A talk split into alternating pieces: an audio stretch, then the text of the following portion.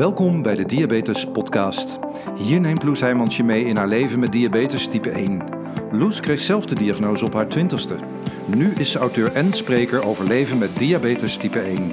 Naast haar eigen verhaal beantwoordt Loes ook vragen van luisteraars, gaat ze in gesprek met experts en deelt ze de nieuwste ontwikkelingen op diabetesgebied. Hier is jouw inspiratieshot voor deze week. Dit is de Diabetes Podcast. Ja, welkom bij aflevering 5 van de Diabetes Podcast. En ook dit gaat weer een, ja, al zeg ik het zelf, bijzondere aflevering worden. Een onderwerp waarvan ik denk dat het heel mooi, uh, moeilijk, soms verdrietig, uh, maar ook heel bijzonder is. Namelijk zwanger worden met diabetes type 1. En ook vandaag ga ik jullie allereerst weer meenemen in mijn eigen verhaal. Maar ik heb ook straks um, ja, bij het interview echt een super, super mooi en bijzonder verhaal uh, om met jullie te delen. Dus uh, blijf daar vooral naar luisteren. Ja, mijn eigen verhaal uh, qua zwangerschap. Hoe ging dat? Ik heb eerlijk gezegd heel wat jaren geroepen. Ik denk sinds dat ik diabetes kreeg, heb ik geroepen: ik wil geen kinderen. En um, ik kreeg de diagnose op mijn twintigste. En ik denk dat ik dat echt wel tien jaar vol heb gehouden. En wilde ik dan echt geen kinderen? Um, nou ja, stiekem wel. Maar ik vond vooral, ik dacht, ja, maar met die diabetes en uh, dat wordt echt, uh, dat, dat wordt zo'n grote klus en dat is misschien helemaal niet te doen. En mijn HbA1c is altijd te hoog. En kan dat dan wel, is dat dan wel veilig voor een baby? Wat als mijn kind diabetes krijgt? Nou, al die zorgen, die spookten altijd door mijn hoofd. En um, nou, ik ben al uh, sinds mijn zeventiende samen met Remco. En die riep altijd uh, heel gekscherend. Nou ja, ik wil uh, acht kinderen. Dus als jij er nul wil, dan gaan we gewoon voor vier.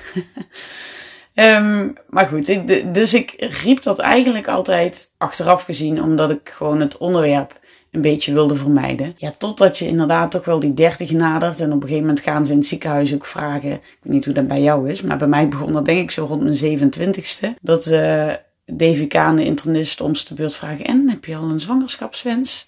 Want goed, daar moet natuurlijk van alles voor ingeregeld worden. Maar um, ik zei nee, volgende vraag. Geen zwangerschapswens.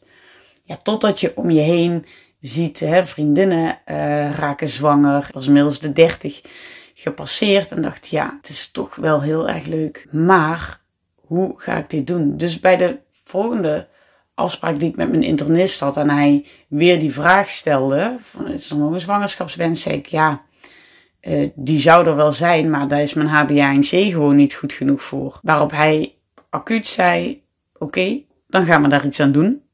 Ik ga een sensor voor je aanvragen. En echt, zo ging het ook uh, letterlijk. Hij ging uh, regelen dat ik met een, uh, een continu glucosesensor kon starten. Dat was de Dexcom. En hij zegt, dan, dan gaan we daar iets aan doen aan dat HbA1c. Jij krijgt een sensor en daar gaan we mee aan de slag. Nou ja, goed, dat toen was ik opeens echt zo van, wow, oké, het gaat gebeuren. We, we, kunnen naar groen licht toe werken. Ja, die, die, wie die term ooit heeft bedacht, geen idee. Maar um, het is gewoon iets heel erg vreemds eigenlijk. Maar ja, toen, toen begon eigenlijk dus het hele avontuur. Want met die sensor was het de bedoeling dat mijn HbA1c, waar ik dus al meer dan tien jaar uh, mee struggelde, wat ik niet onder controle kreeg, hoe hard ik mijn best ook deed, waarvan de internist zei, je doet alles goed, maar je lijf werkt niet mee. Nou, ik was heel benieuwd of dat nu met die sensor wel ging lukken. En het is natuurlijk niet zo, hè, van ik plak een sensor op en dan zijn mijn waarden opeens oké.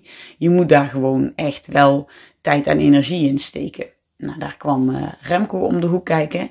Remco is de beta hier in huis.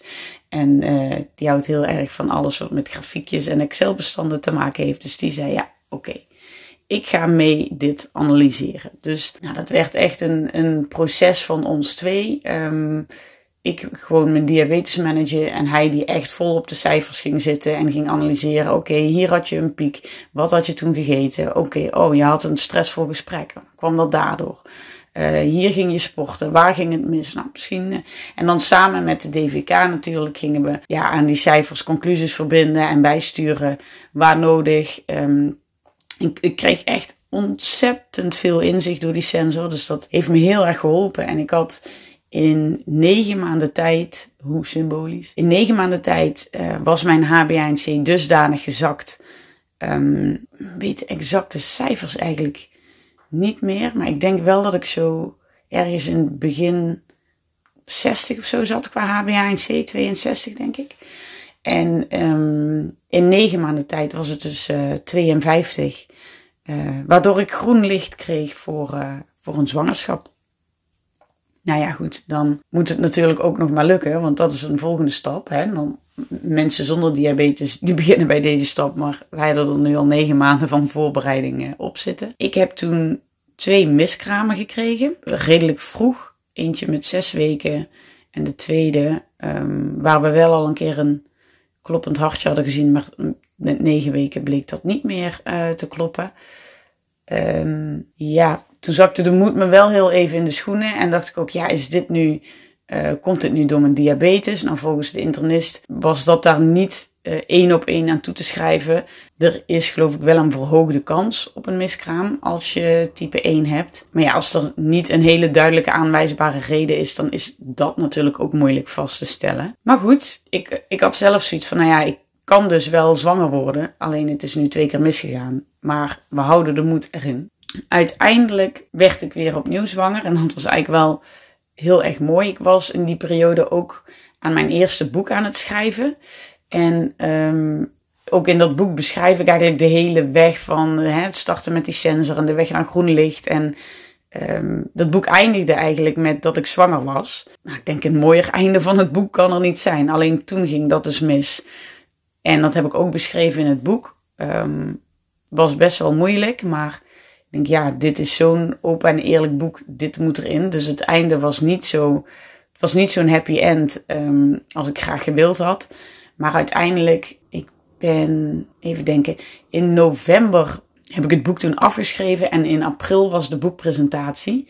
En in, op die dag was ik uh, eigenlijk net weer zwanger van, uh, ja, van Jan. En dat wist toen niemand, behalve Remco, ik en de DVK. is altijd zo bijzonder, hè? Dan doe je een test en de eerste die je belt uh, is, uh, is het ziekenhuis. Nou goed, dus dat was wel heel erg bijzonder. Daar stond ik op de boekpresentatie met, uh, ja, wetende dat ik, dat ik weer zwanger was. En gelukkig ging die zwangerschap wel goed. En ja, dat bracht weer een heel nieuw diabetes hoofdstuk met zich mee. Ik, ik vond zwanger zijn met diabetes echt compleet andere koek dan alles wat ik al met diabetes had meegemaakt.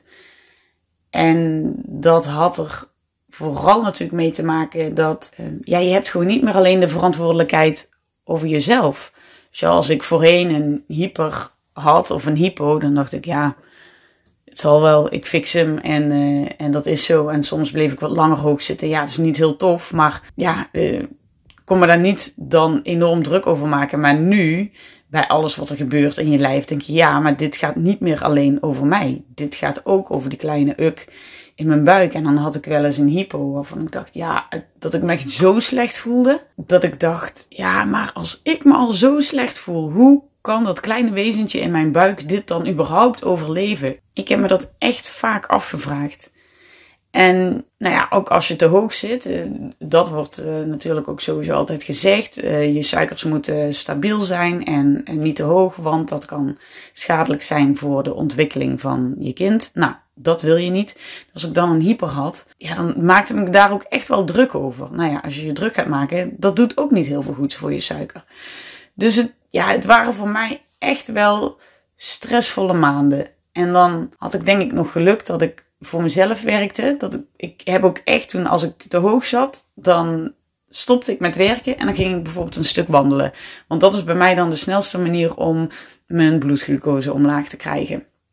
Ja, dat zijn allemaal dingen die kun je natuurlijk niet echt makkelijk doen als je voor een baas werkt. Dus ik heb echt uh, al die maanden lang alles in het werk gesteld om mijn uh, bloedglucosewaardes de baas te blijven. En ja, dat was lastig. En ik vond dat moeilijk, die verantwoordelijkheid. En ik wilde het zo goed doen. Maar ik kreeg gewoon heel veel stress ook om alles om me heen. Je komt natuurlijk regelmatig in het ziekenhuis. De controles lopen gewoon door. Bij de diabetesverpleegkundige, bij de internist, um, bij uh, de gynaecoloog. En ik had een super fijne uh, gynaecoloog. Alleen, ja, hoe vaak ziet zij nu iemand met diabetes? En ik kwam daar op controle en had ze uh, mij onderzocht, uh, echo gemaakt, alles bekeken. En dan ging ze me nog wat vragen stellen. En dan vroeg ze bijvoorbeeld ook: waar zit je gemiddeld op? En dan dacht ik: waar zit ik gemiddeld op? Ja, dat is echt al sowieso een onmogelijke vraag om te stellen aan iemand met diabetes. Maar goed, ik uh, wil dan altijd uh, beste meisje van de klas zijn. Dus ik antwoord heel braaf um, wat er van me gevraagd wordt. Ja, ik zit soms op 7, maar ik zit ook soms op 13. En zit je soms op 13? Zei ze dan. Ja, maar dat is echt te hoog. En je moet zorgen dat dat dan omlaag gaat. En uh, dat, dat is echt niet goed. En dan dacht ik, ja, dat weet ik wel. Maar ja, en vervolgens ging ik dan weer echt compleet verdrietig liep ik daar de spreekkamer uit. Omdat ik dacht, ik doe zo mijn best, maar blijkbaar doe ik het dus nog steeds niet goed genoeg. En eigenlijk een paar weken later, toen ik nog twee van zo'n controles bij haar had gehad, toen viel bij mij het kwartje dat ik dacht, ja wacht eens even, zij zit daar gewoon volgens een protocol te werken en zij moet in haar computer invullen waar ik gemiddeld op zit. Maar zij heeft daar natuurlijk helemaal niet veel verstand van. Dus waarom zou ik me door haar uit het veld laten slaan als, ik, als zij niet de persoon is om mijn uh, bloedglucosewaardes mee te bespreken? En toen dat kwartje bij mij gevallen was en ik weer op controle kwam en zij vroeg, eh, waar zit je gemiddeld op? Zei ik op 7. En dan vroeg ze, oh zit je op 7, stabiel? Ik zo, ja hoor. En meer woorden maakte ik er ook niet meer aan vuil. En ik dacht, ja, hoe het echt gaat, dat bespreek ik dan wel met mijn diabetesverpleegkundige. Dus dat, um, ja, gaandeweg werd dat ook makkelijker. En ik kan me ook nog herinneren dat ik heel blij was toen uiteindelijk het derde trimester was aangebroken. Want toen had ik me toch opeens zonnetjes van bloedglucosewaardes. Niet normaal. Het leek, ik had wel veel meer insuline nodig. Ik gebruikte nog steeds de Omnipot, waar 200 eenheden insuline in kunnen voor drie dagen. Uh, nu kom ik rond met uh, minder dan 150 denk ik voor, eh, voor drie dagen. Um, maar toen had ik aan die 200 niet meer genoeg. Dus op een gegeven moment ging ik uh, bijspuiten bij de lunch. En later ook voor het avondeten. En ik bleef me toch een partij stabiel. Ja, was echt een openbaring. Ik werd wel, ja, zwaar natuurlijk. Dat is logisch, er zit een baby in je buik. En er wordt ook heel vaak gezegd van, nou ja, met type 1 heb je kans op, op grotere kindjes. Nou, die van ons werd inderdaad redelijk groot gemeten. Op een gegeven moment was het, ja, zo rond, wat zal het zijn geweest? 35 weken. Dat ze hem niet meer eigenlijk konden meten, omdat de curve buiten de 40 weken viel. Dus dit ging wel een groot kind worden. Nou, ik zou ingeleid worden met 38 weken. En ik vroeg de gynaecoloog ook wel eens van ja, als het dan zo'n groot kind wordt, gaat dat dan wel lukken op de natuurlijke weg? Ja, jij bent ook niet heel erg klein en uh, dat komt goed. Dat, uh, dat gaan we regelen. Denk, ja, jij hebt er verstand van, dus het zal wel. Dus ik werd ook ingeleid bij 38 weken. Alleen uh, vorderde niet zo zoals het zou moeten. En was het uiteindelijk een, een spoedkeizersnee waartoe werd overgegaan. Ik weet nog, ik had toen, het was niet mijn eigen gynaecoloog die, die toen dienst had. Een arts op leeftijd, laat ik het zo zeggen. Een hele ervaren, grote stevige man die, uh, die bij mij toen de keizersnee deed. En ik zal echt nooit vergeten hoe hij onze zoon Jan in de lucht hield toen hij geboren was. En riep, dit is zeker vijf kilo, misschien wel zes. Dat hem kon ik echt zo zaten. Wat? En hij riep er nog even achteraan voor de statistieken, dit had nooit gepast. Ah, oké. Nou goed, uh, Jan was inderdaad 5,2 kilo, dus um, een flinkert. Maar uh, ja, goed, uh, had daarna ook lage bloedsuikers. Maar dat is binnen drie dagen uh, met een glucose-infuus en zo had hij dat binnen drie dagen op orde. Dus ja, het was gelukt. Ik had een gezond kind op de wereld gezet met diabetes type 1. Joehoe! En dan breekt het moederschap natuurlijk aan. En ook dat is weer een, uh, een verhaal apart. Mocht je daar al meer over willen weten of lezen, dan kun je mijn tweede boek uh, daarop naslaan. Doe mij maar diabetes en een baby. Dat echt compleet gaat over zwanger uh, zijn en moederschap en, uh, en alles daaromheen. Maar ik ga er ook zeker nog een, uh, een keer een, een complete podcast aan wijden. Want dat vind ik ook gewoon een heel mooi onderwerp. Maar nou, tot zover mijn eerste zwangerschapsverhaal. Hey Loes, zat er nog iets leuks bij de post deze week? Nou, ik krijg bij de post uh, regelmatig wel vragen over zwanger worden met diabetes type 1. Um, ehm, maar goed, het zijn natuurlijk hele persoonlijke vragen. En ja, zoals iedere persoon met uh, diabetes type 1 anders is, is ook iedere zwangerschap anders, is iedere weg naar een zwangerschap anders, iedere bevalling. Um, maar ik weet wel hoe fijn het is om ervaringen van anderen te lezen en te horen en daar voor jezelf iets uit te pikken of om een bepaald stuk herkenbaarheid te vinden. En daarom vind ik het ook zo leuk dat ik vandaag in gesprek mag gaan met Marije, die ook haar bijzondere verhaal uh, over haar zwangerschappen met de luisteraars van de Diabetes Podcast wil delen. Hallo Marije. Hallo. Wil jij jezelf even voorstellen aan de luisteraars? Nou ja, mijn naam is Marije Bruggeling. En um, ik heb nou zo'n uh, tien jaar ongeveer uh, diabetes type 1. Nou ja, en zoals je het benoemde, uh, ook zwanger geweest met die diabetes. En uh, moeder van, van uh, een meisje van vier jaar nu. En daarna een drieling gekregen van uh, nu bijna anderhalf. En dat zijn twee meisjes en een jongen. Ja, bij, bij die drieling de beginnen mijn ja. oren natuurlijk al te klapperen. Ja. maar laten we even beginnen, daar komen we straks vanzelf op. Laten we even beginnen bij het begin. Um, ja. Want ja, een hele persoonlijke vraag, maar was het voor jou moeilijk om zwanger te raken met diabetes? Ja, ja, en het is natuurlijk de vraag of dat zozeer aan de diabetes uh, heeft gelegen. Natuurlijk, uh, nou, zoals jij ook eerder een keer hebt verteld, uh, moet je groen licht krijgen van de internist. Dat duurde bij mij ook uh, enige tijd. En om beter ingesteld te raken, ben ik overgestapt op de, de pomp, de Omnipot. na een aantal jaren spuiten.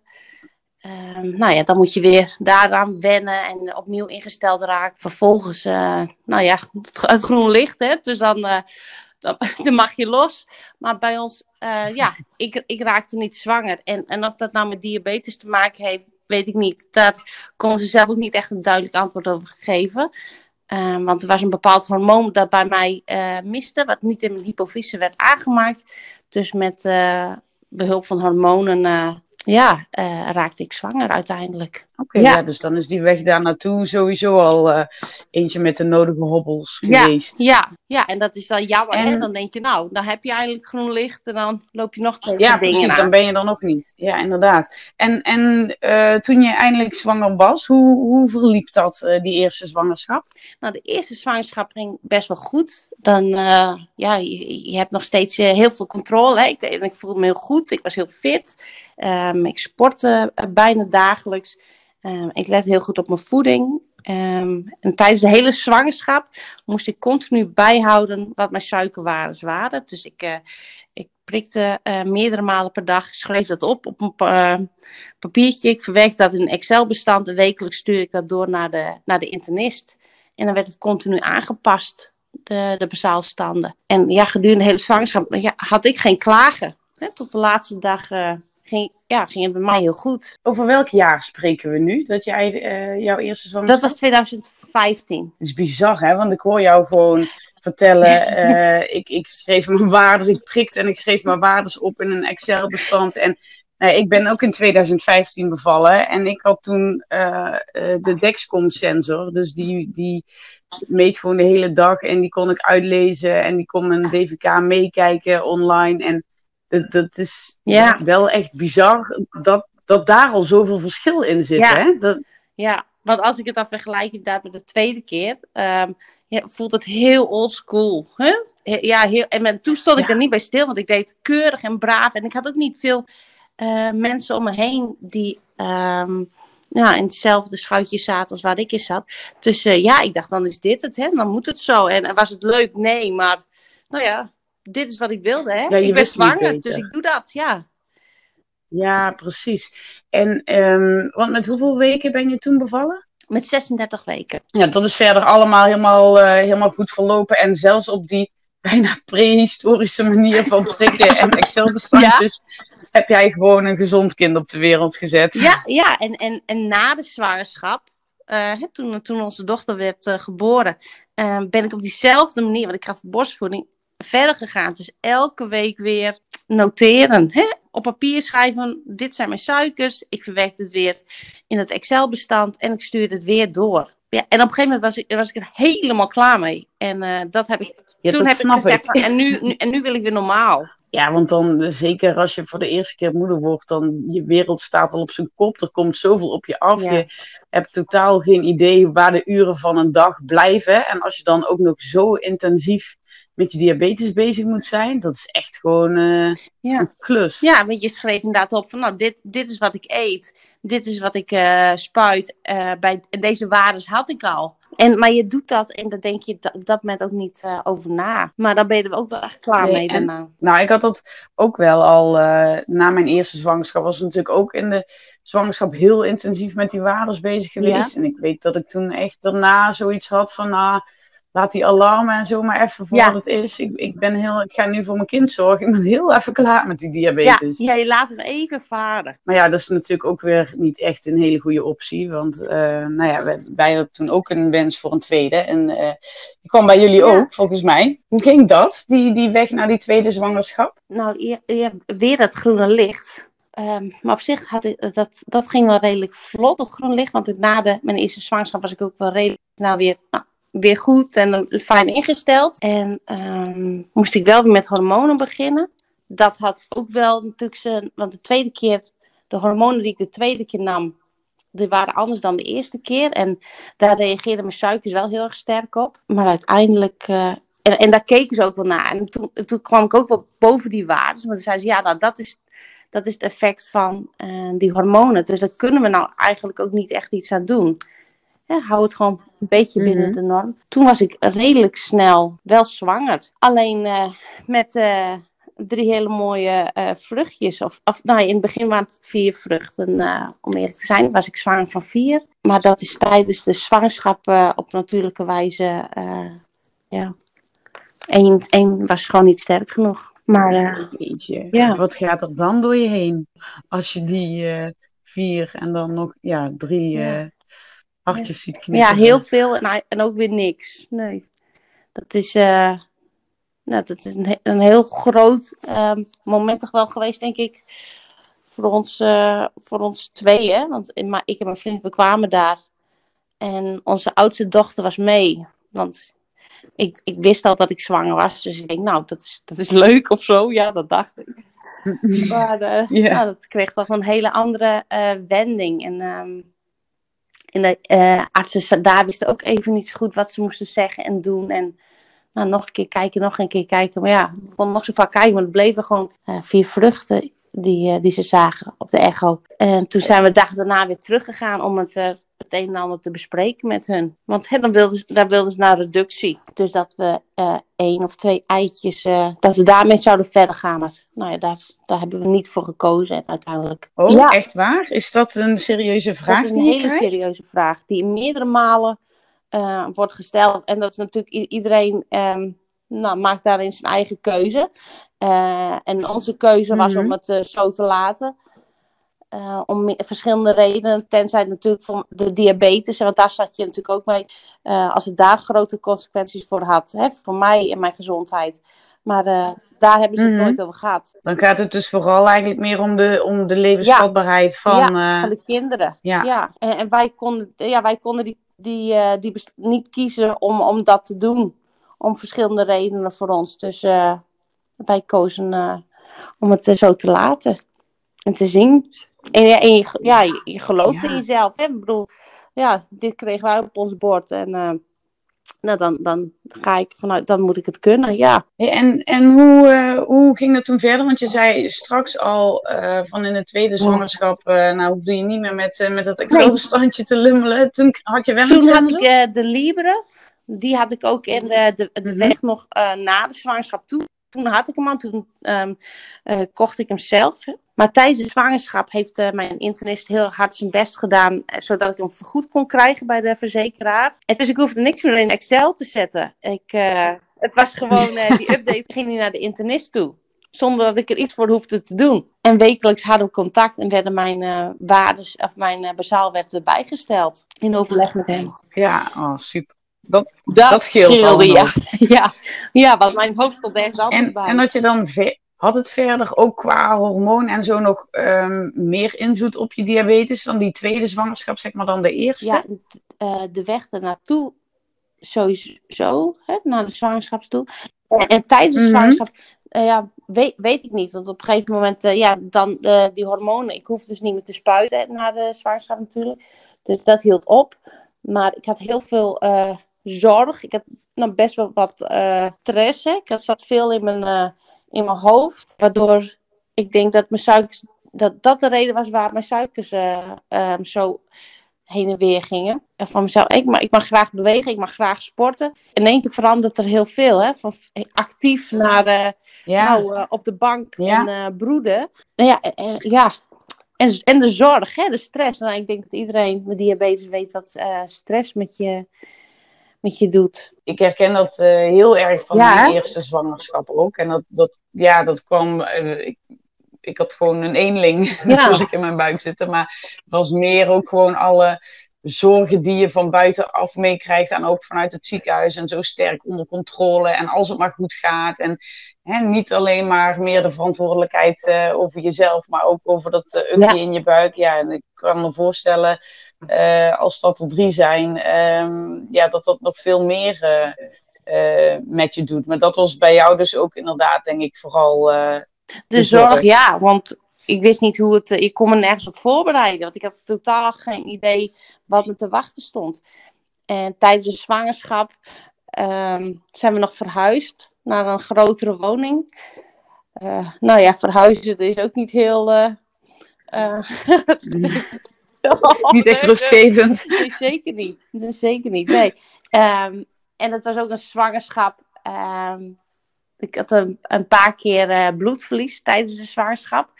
Dus waarvoor ik dan weer naar het ziekenhuis moest en daar dan uh, een nachtje of twee moest blijven. Um, ja, het was geen leuke zwangerschap. En uiteindelijk zijn de kinderen te vroeg geboren. Met 26 weken. Ja, heel ja, vroeg geloof ik hè? weken zijn ze geboren. Dus dan, dat is, dat is, dat is geen vergelijking. Hè? En zeker niet wat ik uh, met de eerste zwangerschap natuurlijk heb meegemaakt was het totaal anders. Ja, op heel veel vlakken. Dan schrik je je te ja, wezenloos, absoluut. of niet? Absoluut, ja. Want de dag uh, voordat ze, twee dagen voordat ze zijn geboren, voelde ik me al niet heel goed. Uh, maar ja, dat gebeurde natuurlijk vaker. En uh, op, ja, je weet het ook niet meer zo goed waar je naar moet luisteren naar je lichaam. Ik wist het echt niet meer. En de volgende dag voelde ik me nog slechter. En toen zouden we naar een, een, een verjaardag. Maar toen zei ik, nou volgens mij moeten we eerst maar even naar het ziekenhuis. Want ik wil gewoon even een extra controle. Gewoon om, hè, om even me gerustgesteld mm -hmm. uh, te maken. Dat is, we zijn naar het ziekenhuis gereden. Waarna we met de spoed naar het uh, UMCG zijn gegaan. Universitair ziekenhuis. En daar hebben we nog een aantal uren de, nou, de bevallingen eh, wat, wat kunnen stopzetten, zodat de longrijpers die ik kreeg hun werk konden doen. Ja, op een gegeven moment kwam het toch. Ik konden het niet meer stoppen. Of, ja, nee, de artsen die, die hebben van alles geprobeerd, nee. maar nee. De, de, de oudste had er, die vond het wel welletjes blijkbaar. Dus ja, dat was heel heftig. En want, want hoe groot waren de kindjes? Kle ja, klein? De, de jongste was 830 gram. En uh, de, de, de, oudste of de zwaarste was 870 gram. Waarbij Zo. de jongste, die is nog uh, ziek geworden een aantal keer. En zij is toen afgevallen naar 600 gram. Dus daar uh, hebben we heel veel zorg om gehad. Ja. ja, dat kan ik me voorstellen. En um, hoe, hoe ging dat toen? Want ja, goed, dan blijven ze natuurlijk hele lange tijd in het ziekenhuis. Je bent daar constant bij. Ik ben uh, in Ronald McDonald, uh, nou eerst een week in het ziekenhuis en daarna in Ronald McDonald uh, huis gebleven. Mijn vriend bleef thuis bij onze dochter, want onze oudste dochter mocht niet op de afdeling komen. En ja, we, moesten, we wilden gewoon zoveel st stabiele situatie voor haar ook. Dus toen zijn we, hmm. mijn vriend reed heen en weer en we zijn gewoon tijdelijk opgesplitst. Of tijdelijk, dat was zes, zes weken. Na zes weken mocht de oudste namelijk naar de een ziekenhuis dichterbij. Uh, maar in totaal zijn we acht weken mm -hmm. apart geweest. En dan, ja, ik was al hele dagen daar in, uh, in het ziekenhuis bij de kinderen. En ik gaf borstvoeding. Vanaf het uh, begin kon ik ehm, uh, borstvoeding geven, of kolven dan, hè, want dat ze wel moedermelk kregen. Maar ja, je wordt gewoon geleefd. Als je dan nadenkt even over de suikers, daar, ik stond daar helemaal niet bij stil. Ik was blij, hè, mensen brachten me af en toe wat, uh, wat eten, klinkt echt heel gek, maar uh, ik had, ik had de, de energie, hè, mijn, mijn hoofd stond daar niet na. Ik had er energie niet voor. Mijn zusje woonde vlakbij, dus uh, met haar at ik heel vaak. Dus de, met suikers was ik absoluut niet bezig. Nee, dat, dat wilde ik inderdaad nee. vragen, want dat, dat lijkt me ook gewoon nee, heb onmogelijk. Ik, heb ik verder niet. Ik deed braaf, hè, uh, mijn bolussen en ik probeerde zo regelmatig mogelijk te eten. Want ik had best wel veel hypo's, ook op de afdeling zelf. En, dus ik, uh, officieel mm. mag ik dan geen eten bij je hebben. Maar uh, ik had altijd mijn, ah. een, even een glaasje water en een appeltje bij me. En soms ging de afdeling dan snel even af. Had ik mijn appeltje en dan, of banaan. Dan ging ik, weer, ging ik weer op zodra ik me beter voelde. En dat wisten ze daar ook. Het, het, was even een bijzaak, hè? Ik dacht, oh ja, nou voel ik me niet goed. Ook even controleren, ik heb een hypo. Nou, snel er even af. Even eten en weer terug. En ik had geen contact met een internist. Nee, maar ik kan me ook voorstellen dat dat het laatste is waar je op dat ja, moment behoefte ja, aan toch hebt. Is het, als ik er nou, nou zo over nadenk, denk ik, ja, hè, hoe kun je voor een ander zorgen of iets zorgen als je niet goed voor jezelf zorgt? Hè? Maar uh, daar sta je dan niet bij stil. En dat wordt ook niet, uh, ik denk dat andere mensen er ook niet bij hebben stilgestaan. Volgens mij heeft niemand het gezegd of gedaan. Ik weet het eigenlijk niet zo goed meer. Het gebeurde. Nee, maar ik kan me ook voorstellen dat en dit is natuurlijk zo'n bizar heftige situatie dat je ook gewoon in een soort overlevingsmodus ja. komt. En ja, dan, is het al, dan ben je al blij dat je inderdaad gewoon uh, ja. bolust en, uh, en, en je hypo's kan wegwerken en that's it. En weer over naar de overlevingsmodus, zeg maar. klopt. Hey, en ja, uh, en na acht weken um, konden jullie weer samen zijn? Mochten de kindjes toen ook al langzamerhand naar huis? Nee, na, na acht weken uh, waren ze uiteindelijk allemaal in hetzelfde ziekenhuis um, dichterbij. Dat was voor ons een half uur rijden. De kinderen hebben daar namelijk ook nog vijf tot mm -hmm. zes weken. dus ging apart van elkaar. Hè? Het is niet dat het als eentje uh, klaar was om uh, de volgende stap te maken, dat alle drie gingen. Of hè, dat ze op elkaar moesten wachten. Uh, zodra ze klaar waren, als er één klaar was, dan ging die, maakte die de volgende stap. En nou, de rest zou vanzelf volgen. Mm -hmm. Want dat maakt het ook nog wel lastig, hè? dat je dan twee ziekenhuizen moest en af en toe, ja, ja. was even wat te organiseren. Maar uiteindelijk toen ze alle drie dichterbij kwamen, uh, even op een half uur rijden voor ons. Uh, toen ben ik weer naar huis gegaan. En toen hebben we ook, uh, af en toe waren wel, hè, mijn ouders bijvoorbeeld, die heel lief, die dan met, met eten kwamen voor ons, zodat als we s'avonds thuis kwamen, niet meer hoefden eten te koken. En mijn collega's brachten mm twee keer in de week, hadden ze een soort lijst gemaakt. Iedereen kon dan inschrijven. Dan twee dagen in de week kreeg ik eten van collega's om zijn beurt kookt. Dus voor mij ja, was echt heel lief. Ja, nogmaals, ja, ik stond er ook niet bij stil. Maar mijn suikers zijn in die tijd, achteraf zie ik dat echt wel flink ontregeld. Eh, waar ik nu nog steeds wel nou, wat last of last van heb. Ik, ja, ik merk dat gewoon. Er is weinig controle en, uh, over wat je eet in zo'n tijd. Ja, je, je weet zelf mm niet meer wat erin zit. Hè? En, en, je eet heel anders. Hè? ja, als andere mensen voor je gaan koken, dan, dan heb je dat nee, niet meer in de nee, hand natuurlijk. Absoluut niet. En je eet ook in één keer heel anders. Nou, tenminste, ik at heel anders dan ik gewend was. Uh, veel, veel pasta's. Ja, heel koolhydraatrijk. En wat je niet, uh, want ik weeg best wel veel. Uh, nou ja, wat je niet met een weegschaaltje elke keer. Uh, ja, dat had niet zoveel zin, want ik had eigenlijk geen idee wat er allemaal in zat. Maar wel heel blij ermee. Dus uh, ik maakte er dankbaar gebruik van. Ik vond te lang, dan, dan zat ik maar wat hoger in mijn suikers. Hè? Liever ietsje hoger dan te laag. Ja, oh ja, want een hypo nee. met kinderen, dat ja. is weer een, uh, nou ja, daar kunnen we ook een podcast over vullen, geloof ik. Maar ja. ik had to toevallig uh, vandaag nog uh, twee kinderen in bad, mijn man weg en ik een hypo. Nou, dat is geen feest, zou ik zeggen. Nee, dan zat je met de shampoo naast nee. maar bij het bad. Of, Nou ja, meer dat ze dan een beetje gaan rellen en dat ik gewoon nul geduld heb. En dat ik dan boos word en dat meteen hetzelfde moment al spijt van heb, omdat ik denk, ja, ik ben nu gewoon boos omdat ik een hypo heb heb. Niet, niet omdat jullie hier zitten te spetteren, weet je wel dat. Dat, dat, dat okay. is bij mij meestal het probleem oh, met, uh, oh. met een hypo in combinatie ja, met de kinderen. Dat voelt niet fijn, nee. Ja. Nee, het is gewoon niet veilig ook, hè? Nee, nee, eh, dat ook. Zeker. Dus uh, nou, liever te hoog, ja. Ja, ja, liever af en toe wat te hoog. En nou ja, goed, uh, inmiddels, hè, je vertelde straks, ze zijn uh, ja. nu anderhalf. Hoe gaat het nu ja, met jullie? Goed. Dru druk en chaotisch is het, maar zal het ook nog wel blijven natuurlijk. Maar ik merk gewoon dat de, de grootste zorg, hè, het zijn de drie kleinste leven, die, die, die gaan heel goed, die zijn gezond en um, we hebben steeds minder ziekenhuisbezoeken. Er komt een ritme hè, in ons gezinsleven. Het, er komt Ja. regelmaat en, en dat past mij ook wel. Want ik kan mooi, hè, we eten met elkaar en als zij een fruithapje hebben, nou, dan pak ik ook een stukje fruit. En- dat is Ja, fijn en goed. Ja. En ik vergeet niet meer te eten. En de, de stress, de stress zakt. ja, de stress zakt en je hebt wat regelmaat. Merk je ook dat dat weer een positieve invloed op je Ja, diabetes heeft? Ja, ik maak natuurlijk heel de tijd zelf niet echt meer mijn eten.